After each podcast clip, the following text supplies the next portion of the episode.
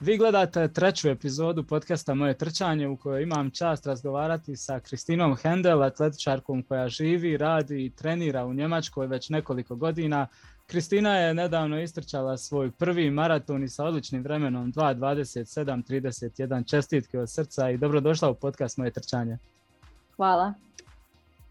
A, razgovarali smo prije nekih e, dvije godine, ako se dobro sjećam, kada sam radio sa tobom ovaj, intervju za našu strancu www.trčanje.net i od tada se dakako što šta promijenilo, pa sam malo u pripremi emisije ovaj, proguglao da vidim da mi nije nešto promaklo i tako prvo što mi je za oko zapilo jeste da puno, puno, puno više o tebi ovaj, ima na njemačkim strancama kada upišeš na Google Kristina Hendel nego kod nas.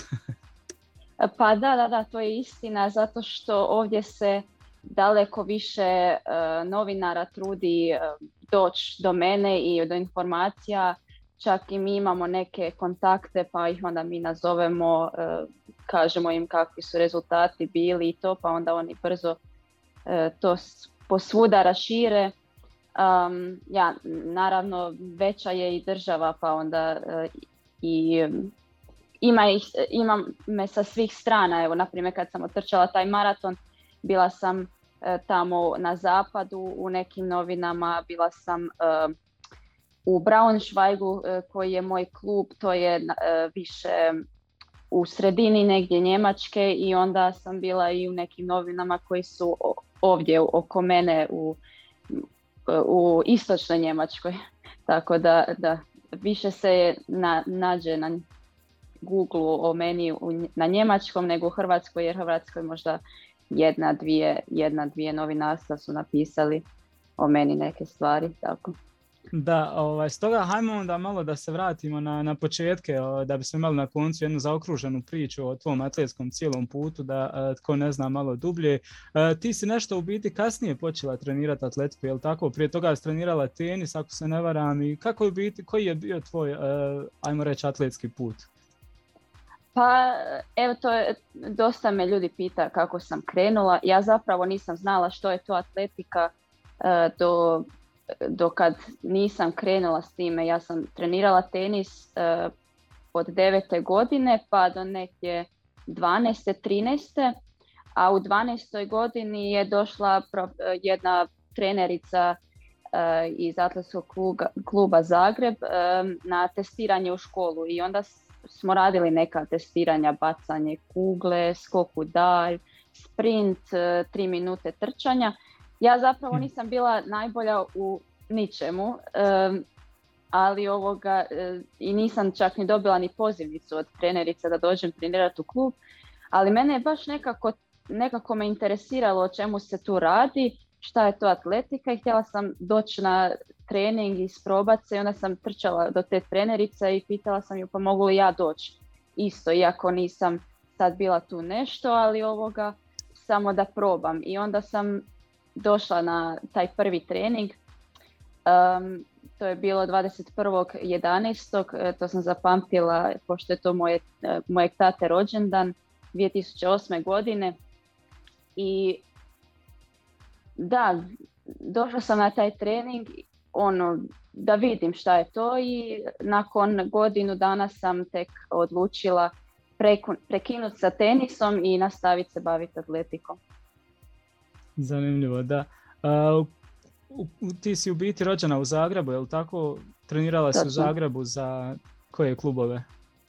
E, znači bila sam na početku e, Zagreb Ulix, e, pa smo se onda odvojili, bila sam u klubu, kod trenera sam bila Slavka Petrovića i Darija mhm. Nemeca, pa smo se odvojili, osnovali smo svoj zasebni klub Aviokarte, što se na, na kraju sada zove Atletski klub Svetice, a mhm. onda sam nakon, nakon eh, nekih skandala i tako promijenila klub, eh, otišla sam u Atletski klub Dinamo Zrinjevac za koji i sada nastupam u Hrvatskoj. Da, a u, u, u Njemačkoj si za neki klub iz Braunschweiga, jel?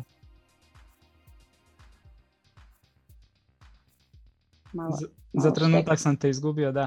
A, U Njemačkoj treniraš, nastupaš za, u biti za e, atletski klub iz Braunschweige, je tako?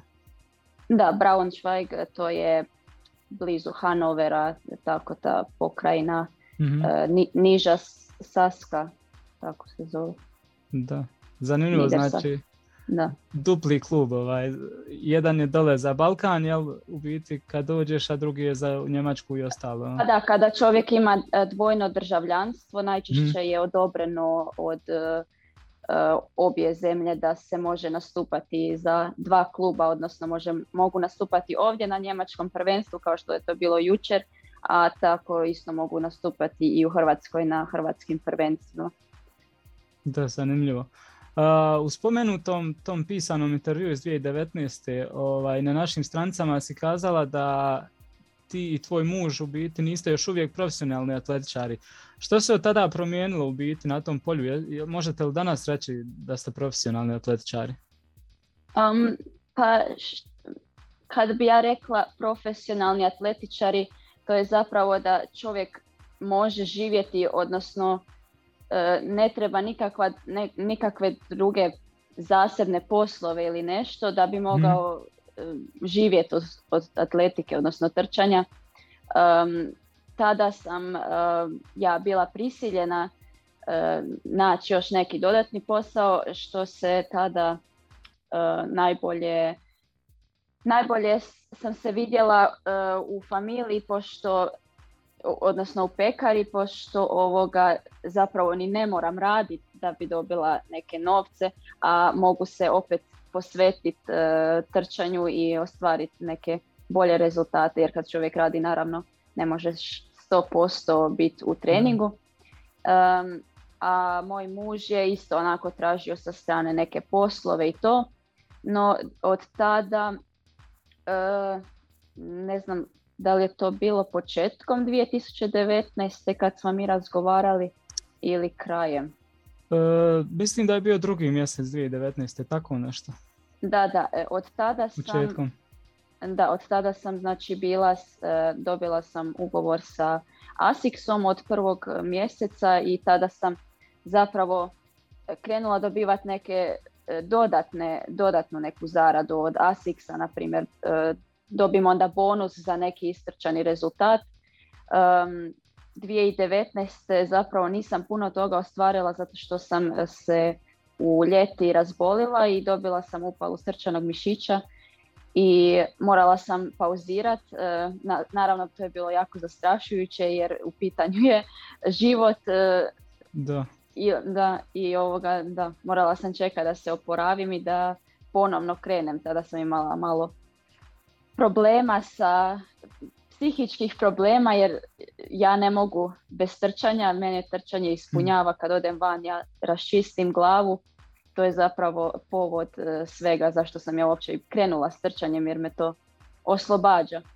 I onda sam ovoga, da i onda sam 2020. opet e, došla u neku tako neku formu i ostvarila par osobnih e, par e, ovoga, kako se kaže, dobrih rezultata, odnosno osobnih rekorda mhm. i e, tek onda u 2021. sam osjetila da sam napravila korak dalje i negdje u petom mjesecu kao da mi je nešto došlo u glavu i reklo ti sada moraš trčati maraton u jesen i...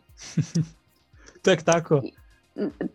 da, zapravo nisam uopće cijelu godinu nisam ni planirala, mislila sam ono maksimum maratona trčati u jesen jer pripremala sam se za više za kraće discipline 5 km i e, zapreke u proljeće e, i tada sam trenirala još kod svekra to je on trenira mog muža i e, on mi je uvijek govorio ne možeš tako kratke treninge, misliš u proljeć, u jesen trčat polumarato, neće ti biti dovoljno izdržljivosti, ovo ono. I ja, ga, ja sam rekla, ma pusti, ja ću lako odraditi polumaraton, je još kratka disciplina. I onda sam na kraju došla do maratona i otrčala taj rezultat što je zapravo meni je najviše me iznenadilo to što sam ja do kraja došla bez ikakve krize, ono, nisam, kako bi, kako rekla, nisam ni osjetila da nikakvu bol osim nakon toga, ali ovoga, e, da, iznenadilo me pošto nisam toliko puno kilometara skupila cijele godine i onda otršala tako neki rezultat koji je zapravo, s čime da usporedim, na primjer, to je treći najbolji debi u Njemačkoj, u cijeloj Njemačkoj ispred mene su samo e, prvi maraton bolje otrčale ova etiopljanka koja je aktualna maratonka u Njemačkoj Melatke Melat Kejeta 23 e, je otrčala svoj prvi maraton i e, aktualna njemačka e, rekorderka Irina Mikitenko ona je otrčala prvi maraton negdje oko 2.25, 2.26 a hmm. u Hrvatskoj naravno je to najbolji debi drugi najbolji debi imali sa Nemec 2.33 je bio njezin prvi maraton, tako da to sve govori koliko je stvarno to jak rezultat i naravno e, s time sam e, podigla ovoga mogućnost e, sa sponzorima i tako pa evo sad bi rekla da zapravo će sve dalje teći preko trčanja. Znači najviše zarađujem preko maratona i trka cestovnih. To znači da sad ideš kad u biti ulaziš u taj status profesionalne atletičarke. Da, to bi ja nazvala profesionalizam jer zapravo e, ne, ne moram se puno brinut da li ću negdje krpat nešto i tako. Pa da, to je to, da možeš da živiš od toga. Super, a zanimljivo je baš u biti ko, kogod malo prati ovaj detaljnije, svi su se iznenadili ono odjednom evo tako dobar maraton, tako dobar rezultat ono kao da je s neba palo u biti prvo što što odlučila se tako iznenada da trčiš, onda s druge strane i tako da je sve fantastično prošlo i u biti evo kako govoriš da je tu bilo da vjerojatno još prostora i za bolji rezultat jer nisi se napatila, nisi osjetila se da možeš to još ovaj pa da, zapravo od kad sam ja krenula trenirati te 2008. nije trebalo dugo vremena da e, meni trener e, tadašnji je rekao ti ćeš biti maratonka, ti si za to rođena. Ja sam tada govorila čak i za 10 km, ma ko je toliko lud da trči tolike kilometre i to.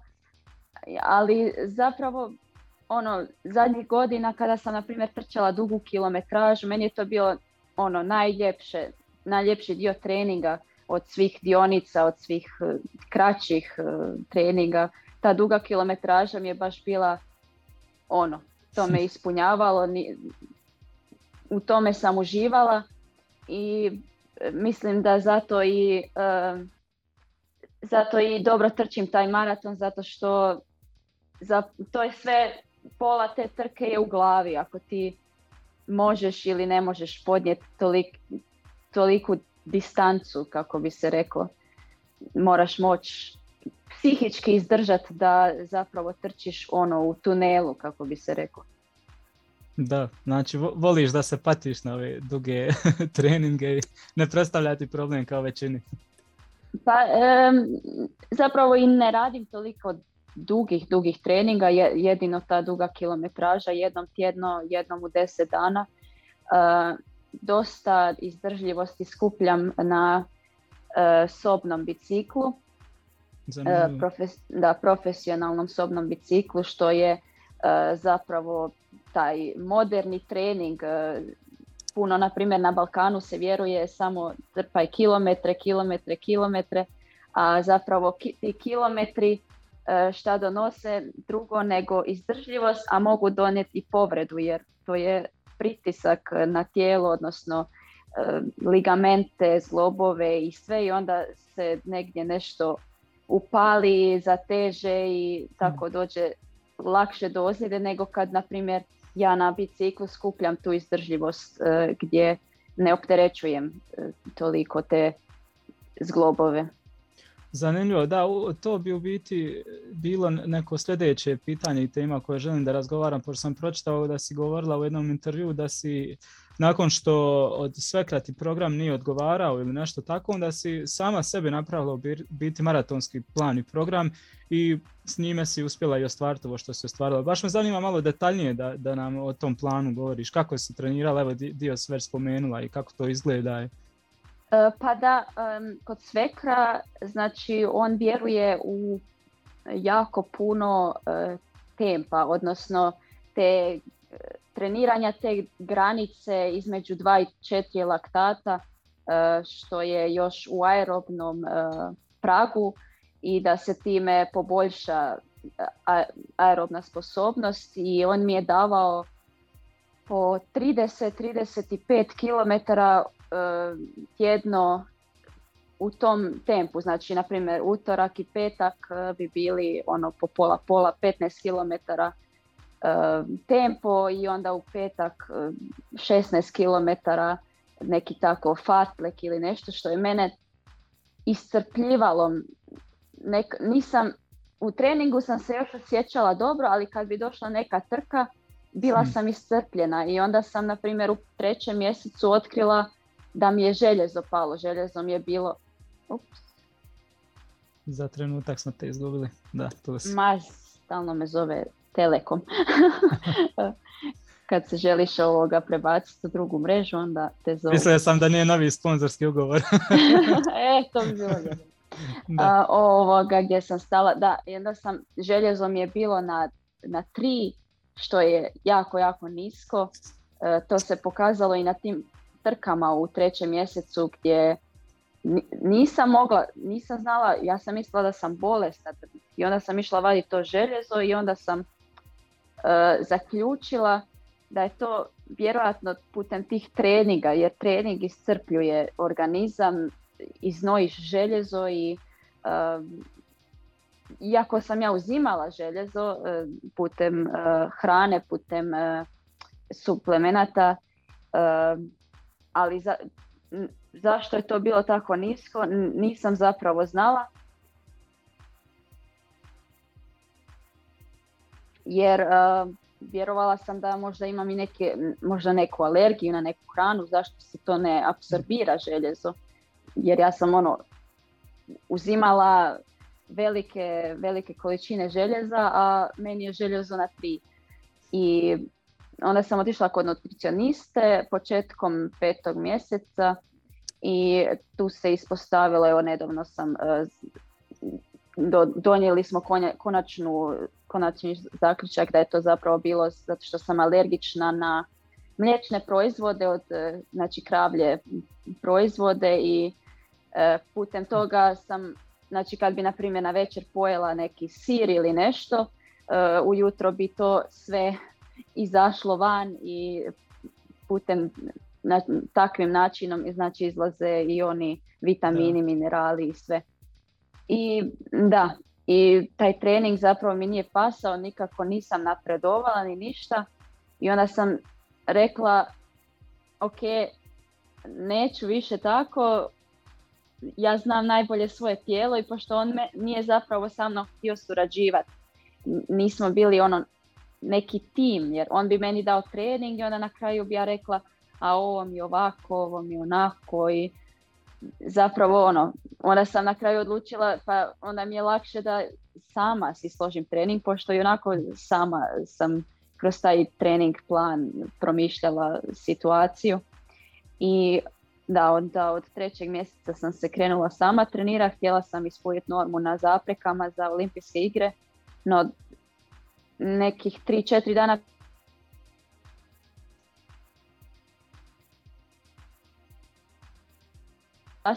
da, da nisam imala snage, nisam imala psihičke snage ići preko tih zapreka jer e, to su 35 zapreka i to preskočiti sa boli je jako, jako iscrpljivo. E, I onda sam nešto tamo pokušavala 5000 metara, ali da, kad glava nije tamo onda ništa ne funkcionira. No onda sam završila sezonu i onda sam rekla ok, sad se ideš pripremati za maraton jer ništa drugo ti ne preostaje. Maraton je vjerojatno ono što mogu najbolje nakon zapreka otrčati e, kao disciplinu. I onda da, kratka priprema kako bi ja rekla, 13 e, tjedana, inače se priprema za maraton malo duže, oko 5 mjeseci barem. E, u 13 tjedana sam podigla kilometražu, krenula sam sa 35 km, došla sam u zadnjih nekoliko tjedana na 180 km tjedno i e, da, je zapravo i dalje sam ja radila te treba se za maraton spuštati aerobna granica, no nisam radila dva puta tjedno, nego sam samo jednom puta tjedno radila tih 15 do 20 km tempa u maratonskom tempu. Znači ja sam to tjednima spuštala taj tempo. Počela sam sa nekih 3.40 po kilometru eh, i zadnji tempo koji mi je bio eh, je bio 18 km po 3.29 e, što je bio najbolji tempo i koji, mi je ono bio znak ok, možeš negdje u tom ritmu trčati maraton i e, da i na kraju se ispostavilo da sam dobro procijenila i da je cijeli trening zapravo funkcionirao. Drugi trening je bio onda e, malo kraća, kraće dionice, odnosno ne bih radila 15 do 20 km, nego sam radila 10 do 12, znači malo sam manje manje radila nego što bi radila kod svekra. Moj uh, e, muž, na primjer, i dalje kod njega trenira, pa onda ja gledam šta on radi. Zapravo je on, e, on se spremao za maraton, on je napravio više e, tih tempa od mene, pa bi rekla, on, uvijek bi mu rekla, jel se ti spremaš za maraton ili šta, jer on je nekad imao jedno po 40 km ono da. Meni, meni to ne mogu, ne mogu podnijeti. tijelo neće funkcionira, ali da, svako, svaka osoba je drugačija i ne, ne bi trebali ono kopirati nečiji trening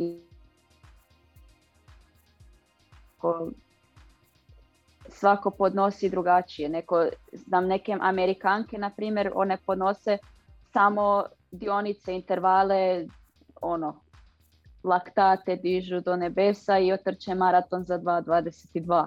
Tako da, da. Da, treba se poznavati sebe, da kako ovaj. A možeš nam opisati kako, kako je jedan, eh, jedna sedmica tvoja radna sa trenzima izgledala u biti? Ponedjeljkom uvijek, ponedjeljkom uvijek e, imam lagano, znači to mi je oporavni, oporavak taj dan jer u nedjelju imam dugu kilometražu najčešće. Uh, utorak e, malo imam dva trčanja pa onda skupim oko 25 do 30 km na taj dan. ujutro malo lakše, popodne ide malo brže, ono prema srednjoj kilometraži i onda u srijedu imam taj duži trening, e, odnosno e, nek, u tempu maratona, znači nekad radim e, fartlek, na primjer, kako bi rekla, pet puta dva kilometra, idem u malo brže od maratonskog ritma, na primjer 3.25 mhm. i onda jedan kilometar idem u srednjem ritmu, na primjer 3.50 do 4 minute po kilometru i na kraju prosjek ne zvuči brzo, ali e, na taj način e, se trenira tijelo da e, može podnijeti da može podnijeti kasnije intervale kada se dođe u zadnjih par tjedana da mm. se malo pojača tempo, time se pojača ta izdržljivost aerobna i onda smo, se možemo brže regenerirati i da, intervali budu brži i kvalitetniji. A onda imam e, u četvrtak radim malo dulju kilometražu, ali lag, lagšu neku. E, to bude 20 do 25 km.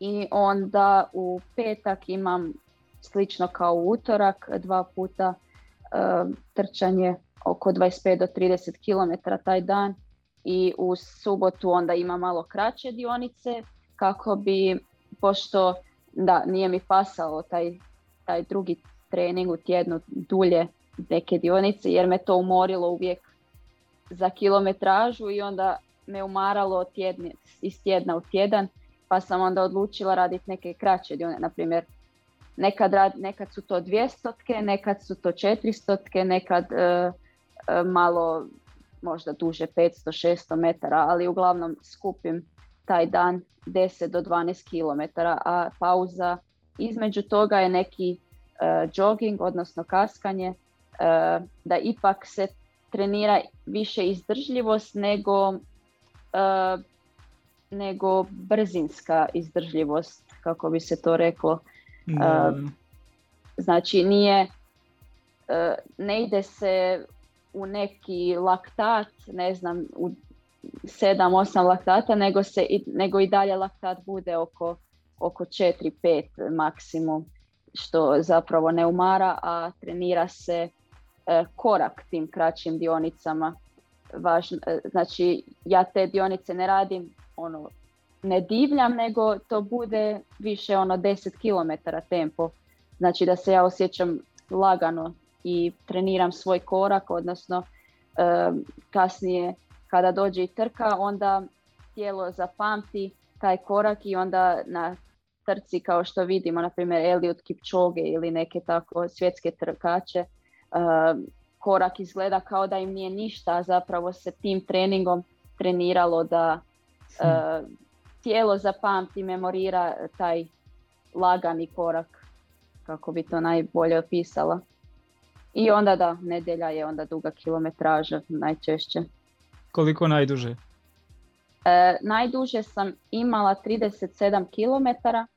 Hm. Znači gledala sam da e, odem oko tog rezultata koji sam na kraju htjela imati na maratonu. Znači oko 2,5 sata sam trčala. E, prvu kilometražu sam odradila u Zagrebu jer hm. sam u tom, taj tjedan sam e, trebala ići u Zagreb jer sam E, jer mi je isticalo i onda sam u paklenoj vrućini morala odraditi svoju prvu ikad. Znači do tada sam najviše istrčala 29 km i onda sam u toj vrućini trčala 35 i onda sam imala neke trke u osmom mjesecu pa sam između uspjela još samo jednom potrčati dugu kilometražu i onda sam još mislim da tri puta Eh, istrčala 35, 36, 37 i jednom sam išla 30 km, no malo brže mhm. eh, nego inače. Ipak se skupilo dosta dužina, samo umjerenijem tempu. Eh, pa da, to je sve ono, ovdje čak ni ne mogu trčati nešto brzo te kilometraže jer je dosta kod mene valovito. Mm. Znači kad idem tu kilometražu 35 km, idem jedan krug od 30 km koji je prvih 15 km se ide do najvišeg vrha, znači idem od 350 metara nadmorske visine do 500 metara i nešto i onda se spuštam opet e, no sve to ide onako kao da, valovito prema gore i onda opet tako valovito prema dolje i onda još moram 5 km negdje onako dodat. Da, to je nezgodno, ubija i ritam i... Ali mislim da je to dobro pošto ako imamo i u trci e, uzbrdice, onda se tijelo, istrenirali smo tijelo, da, e, jer drugačiji je korak kad se ide uzbrdo i drugačiji je korak kad se ide nizbrdo. E, ovoga, da, i onda tijelo nauči se sukobiti sa tom uzbrdicom, što sam na primjer nisam očekivala u maratonu E, jer mi je menadžer rekao da je potpuno ravno, da je potpuno pista, a zapravo je bio taj jedan kilometar, doslovno je bio jedan kilometar dugačak, baš se penjalo uzbrdo gdje sam morala malo i usporiti i sam prvi, u prvom krugu 3.37 taj kilometar, što je dosta i dobro jer baš ne volim uzbrdo, pogotovo kada baš ide kilometar dugo 200 metara mogu još podnijeti, ali kilometar je kilometar. I e, u drugom krugu sam svom zecu rekla, jao, sad opet ovaj brijeg, kako ću to izdržati. I onda mi on rekao, a šta ide gore, ide i dolje. He? I onda to zapravo bilo tako. Uzbrdo sam išla malo sporije, onda sam nizbrdo opet išla malo brže. I ja, mene najviše najviše sam se bojala te krize jer ako sad idem uzbrdo to će mi malo potrošiti noge pa onda će me možda i ta kriza ranije uhvatiti ali nekako ne znam. Noge su se nije okretale. bilo krize. Noge su se okretale. Ja sam došla na 30 km. Šta je sad ovo? Gdje je ta kriza? Svi su mi spominjali tu krizu, da neću moći, da tu tek kreće utrka. A meni je zapravo, evo, da kažem, prvih 10 km mi je bilo teže nego zadnjih 10 jer smo kretali na 9 stupnjeva pa je tada još tijelo bilo zgrčeno mm. i onda sam si mislila na početku jao pa nekako mi je težak ovaj tempo ali onda kad se tijelo ugrijalo onda je bilo sve lakše i lakše. Da, ovaj, samo da se vratimo malo još na, na, na ovaj trening plan tvoj. A gdje u biti je tu i koliko je dolazilo onda ovo kućno bicikla? E, znači, e, ponedeljkom e, kada imam regenerativni dan, onda radim samo trčim samo jedno, na primjer 10 ili 12 km, mhm. a drugi trening je onda sat, sat i pol bicikliranja. Isto tako i četvrtak kada imam tu kao neku srednje dulju kilometražu, 20-25 km, onda isto popodne ubacim još sat vremena bicikliranja i e, znači to je kada radim 180 km, kada sam radila najviše, onda sam e, jednom ili dva puta imala bicikl, no kada sam na primjer malo manje imala kilometra 130 na početku u osmom i osmom mjesecu, na primjer još nisam došla ni do 150, pa sam tada e, imala više sati bicikliranja, znači oko 3 do 5, 6 sati tjedno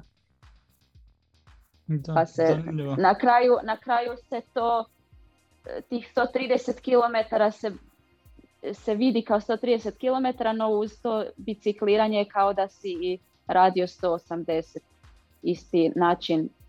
Znači drugačiji je trening, ali opet se postiže ta eh, izdržljivost. Da. Što je za maraton bitno. Treba, to, je, to zapravo nije eh,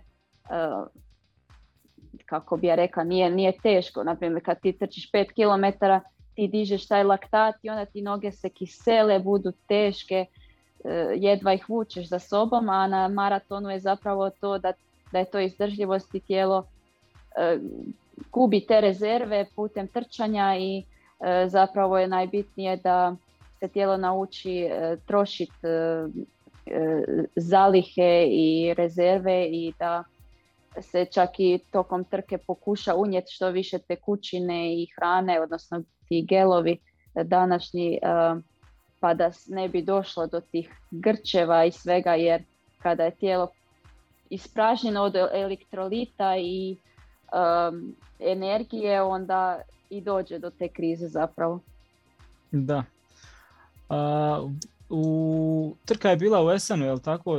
Eh, to je kada se uzme ovako ono, u globalu malo manji maraton, pa se tu, kako si sama rekla, imala više pažnje, imala si čak i svog zeca, e, svoju okrepu. Kako je izgledala utrci? sve zadovoljna kako je sama utrka e, prošla?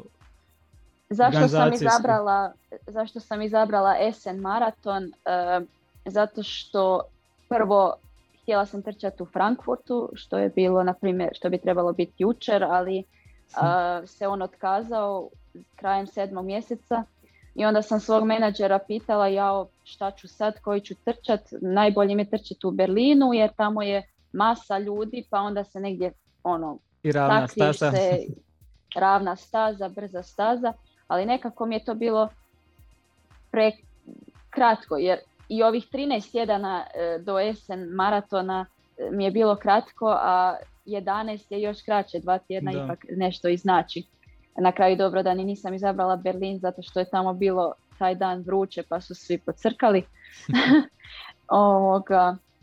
A onda mi je menadžer rekao pa idi u Essen maraton, tamo sam ja bio sa svojim e, nekadašnjim e, njemačkim rekorderom, e, on je njega menadžirao Jorg Peter, trčao je 2.09 ili 8, 2.09 maraton, to je bio eh, to je trenutno četvrti najbolji rezultat u Njemačkoj svih vremena.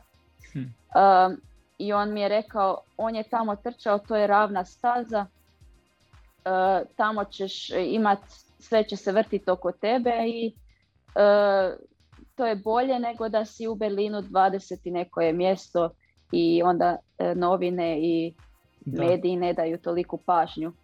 Um, I onda sam čula zapravo koliko e, bi mi platili da dođem u Esen i onda mi je odmah proradio klik u glavi pa da bolje zaraditi zapravo nešto tim maratonom nego ići negdje i trčati besplatno. I na kraju krajeva u Berlinu, na primjer, bi se raspala i e, vjerojatno ne bi ispunila taj cilj koji sam imala. E, jedini taj problem je bio što je taj e, SN maraton jako mali, oni su još i smanjili e, smanjili su sudionike zbog korone, inače je inače je više tamo sudionika oko 6 tisuća možda, a sada je bilo oko možda tisuću ljudi da, jedino je bio to problem što bi si trebala sama naći zeca, a zečeve e, se u Njemačkoj mora platiti i to dobre novce. I e, da, zato što prvi dečki koji su trčali, trčali su 2.20, a iza mene je neko došao u cilj sa 2.40, znači na kraju bi trčala sama pa sam morala naći zeca. Našla sam zeca i Mm, onda sam dobila šok pošto mi je u petak kad sam bila na putu za Esen mi je otkazao jer se prehladio. Ajoj. No, no srećom imali smo iz mog kluba iz e, Braunschweiga e, smo imali jednog e, dečka kojeg smo čuvali za rezervu. Rekli smo mu čekaj do zadnjeg dana jer nikad ne zna šta će se desiti i onda je on trebao e, zapravo ići do 30 km jer to mu je najdulja kilometraža ikad koju je odradio, ali rekla sam bolje i 30 km nego da cijeli maraton sama trčim. I na kraju me iznenadio jer je zapravo držao do 40. km e, kada sam ja još i ubrzala jer sam vidjela da mi je još i ostalo snage pa rekao zašto sad ostati u istom tempu, bolje e, dati sve od sebe na kraju krajeva. I onda je on na, kraju u cilju rekao, dala mi je takav udarac, takvu promjenu mi je napravila, nisam mogao više držati. on, on, je zapravo isto došao u cilji, i došao je kao treći muškarac, na primjer, pa je onda ovoga isto bio na podiju, isto se veselio. Jel, jel mijenja disciplinu sad? pa zapravo se i zapitao, pa joj, kao, pa ako trčim ne je tu 2.20 maraton, nije, nije loš rezultat. pa ćemo vidjeti, možda se odluči iduće godine trčati. Ali i bit, na primjer, sad ima iskustva u, u tempu, držanju tempa, pa onda možda... Bude zec. Da, možda bude zec, jer tu, se zarade dobri novci. E, kad nije, na primjer, korona, pandemija, oni mogu zaraditi, e, na primjer, za 2.27 tempo po 1500 eura. Čovječ. Nije, nije loše. Kako da, to je super. S obzirom na... Pa da. Pa da, kad se gleda, na primjer, neko u Zagrebu zaradi 700 eura plaću i onda čuješ e, neko u Njemačkoj plati zeca 1500 eura.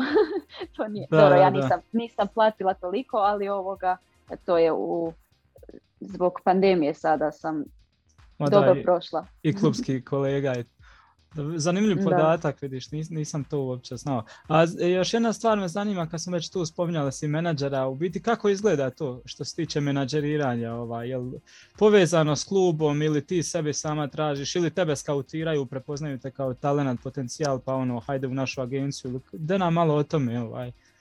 Pa ima dosta menadžera što vide tvoj rezultat, pa onda se, pa onda u glavi im je, ok, mogu od ove trkačice nešto i zaraditi pa se onda tako javljaju putem e, socijalnih mreža, putem mailova, mm. putem pitaju možda nekog za broj i tako.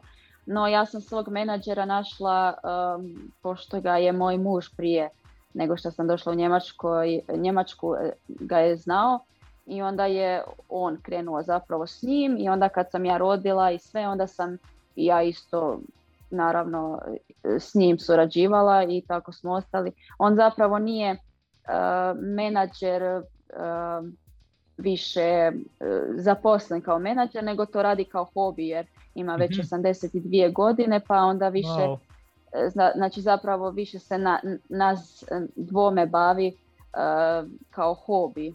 Ne uzima nam, znači normalno je da menadžer uzima oko 15% zarade, mhm. no on nam ono uzima malo manje jer nije mu, više do toga da nešto zaradi putem toga, nego uživa u tome. On je na zapravo bio i sa mnom u Esenu i e, on je vozio se tamo na romobilu, stvarno e, čovjek voli, uživa u tom, u tome e, pratiti atletičare i malo se tako pokazati, pričati s ljudima i to. Zanimljivo. I kako izgleda to onda? On te savjetuje koja je, koju trku bolje da izabereš iz više stvari, sigurno i radi publiciteta i gdje možeš pobijediti. Gdje mogu zaraditi, zaraditi tako i e, pa da, ja mu na primjer kažem, ja sam mu rekla u petom mjesecu e, moram se pripremiti za neki maraton u desetom mjesecu, to bi bilo ok. I onda on prema tome gleda u kalendar šta ima zapravo pošto je moj sponzor Asics onda sam htjela trčati u Frankfurt maratonu e, na Frankfurt maratonu i e, da ali onda se to otkazalo onda sam morala promijeniti i zapravo je tu e, super što super imat menadžera jer on onda zna što je za mene najbolja utrka i to gdje se mogu ubaciti. E, a e, onda ima i tu nekih drugih, na primjer ja sam mu rekla htjela bi poboljšati svoj osobni rezultat na polumaratonu, e, htjela bi trčati utrku u osmom mjesecu i onda se tada nudio na primjer Belinski polumaraton, onda sam tamo otrčala polumaraton, osobni rekord i onda sam nastavila na kraju dalje sa svojim pripremama. Da, zapravo menadžer dosta tu pomaže, a može naći čak i sponzore ako ima nekih veza i to. pošto on ima 82 godine, naravno ima puno kontakata. Da, zasigurno. E, znam da žuriš na, na trening, biti na rastrčavanje, samo evo još, još kratko ćemo ako možeš. E, zanima me, pošto si trenirala u biti i u Americi, i u Hrvatskoj, i u Njemačkoj sada, ovaj, sada imaš i menadžera, sada si u biti profesionalna atletičarka. Kako ti, kako ti izgleda sada kad sve to malo eh, iz ovog eh, mjesta sagledaš sve, kako ti izgleda ovaj, kad sve to skupiš? možeš li napraviti neku usporedbu i pogotovo evo zanimljivo je dole sa, kod nas na Balkanu i uh,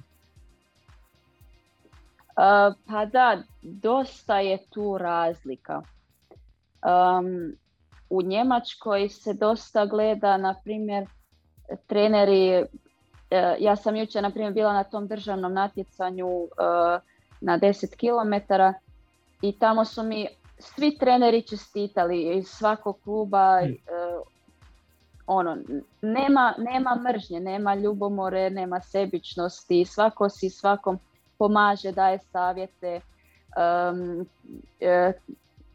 treni, oko treninga, na primjer, šta je sada se promijenilo, e, šta je sada bolja metoda i tako u, kojem, u kojim zonama se najbolje trenira, za maraton, za 5 km, ovako, onako.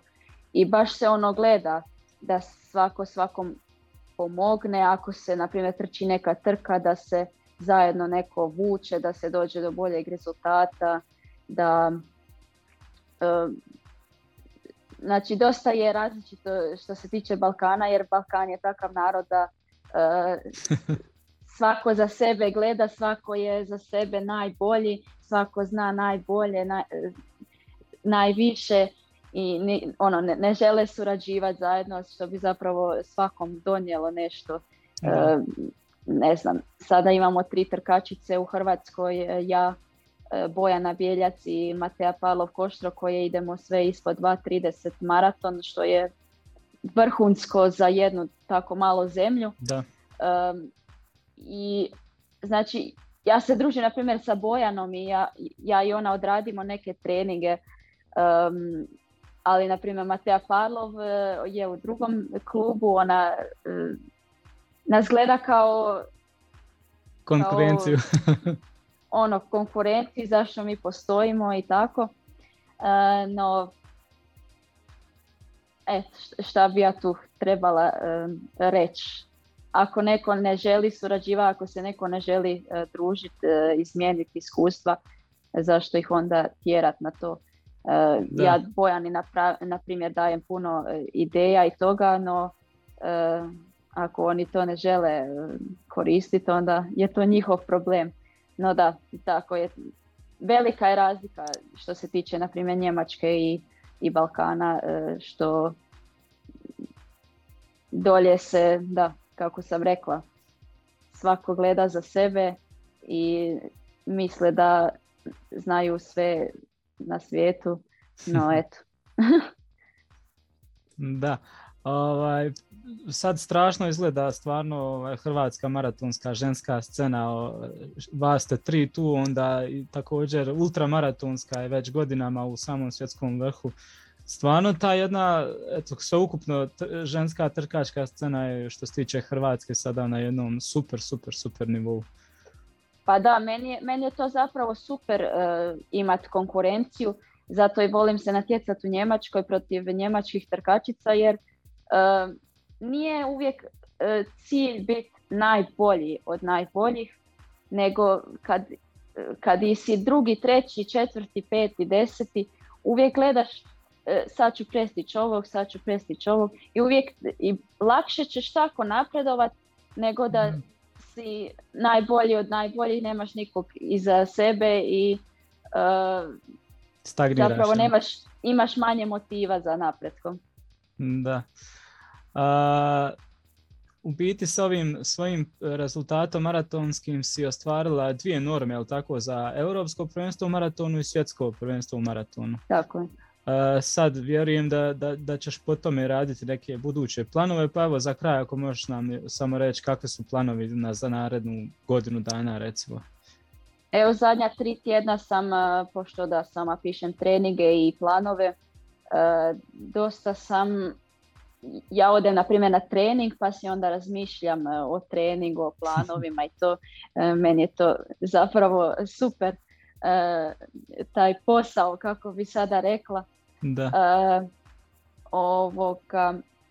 odlučila sam se pripremati za europsko prvenstvo. Znam da dobro podnosim vrućinu, tako da mogu očekivati tamo velike stvari. Naravno, nikad ne zna šta će se desiti jer nikad...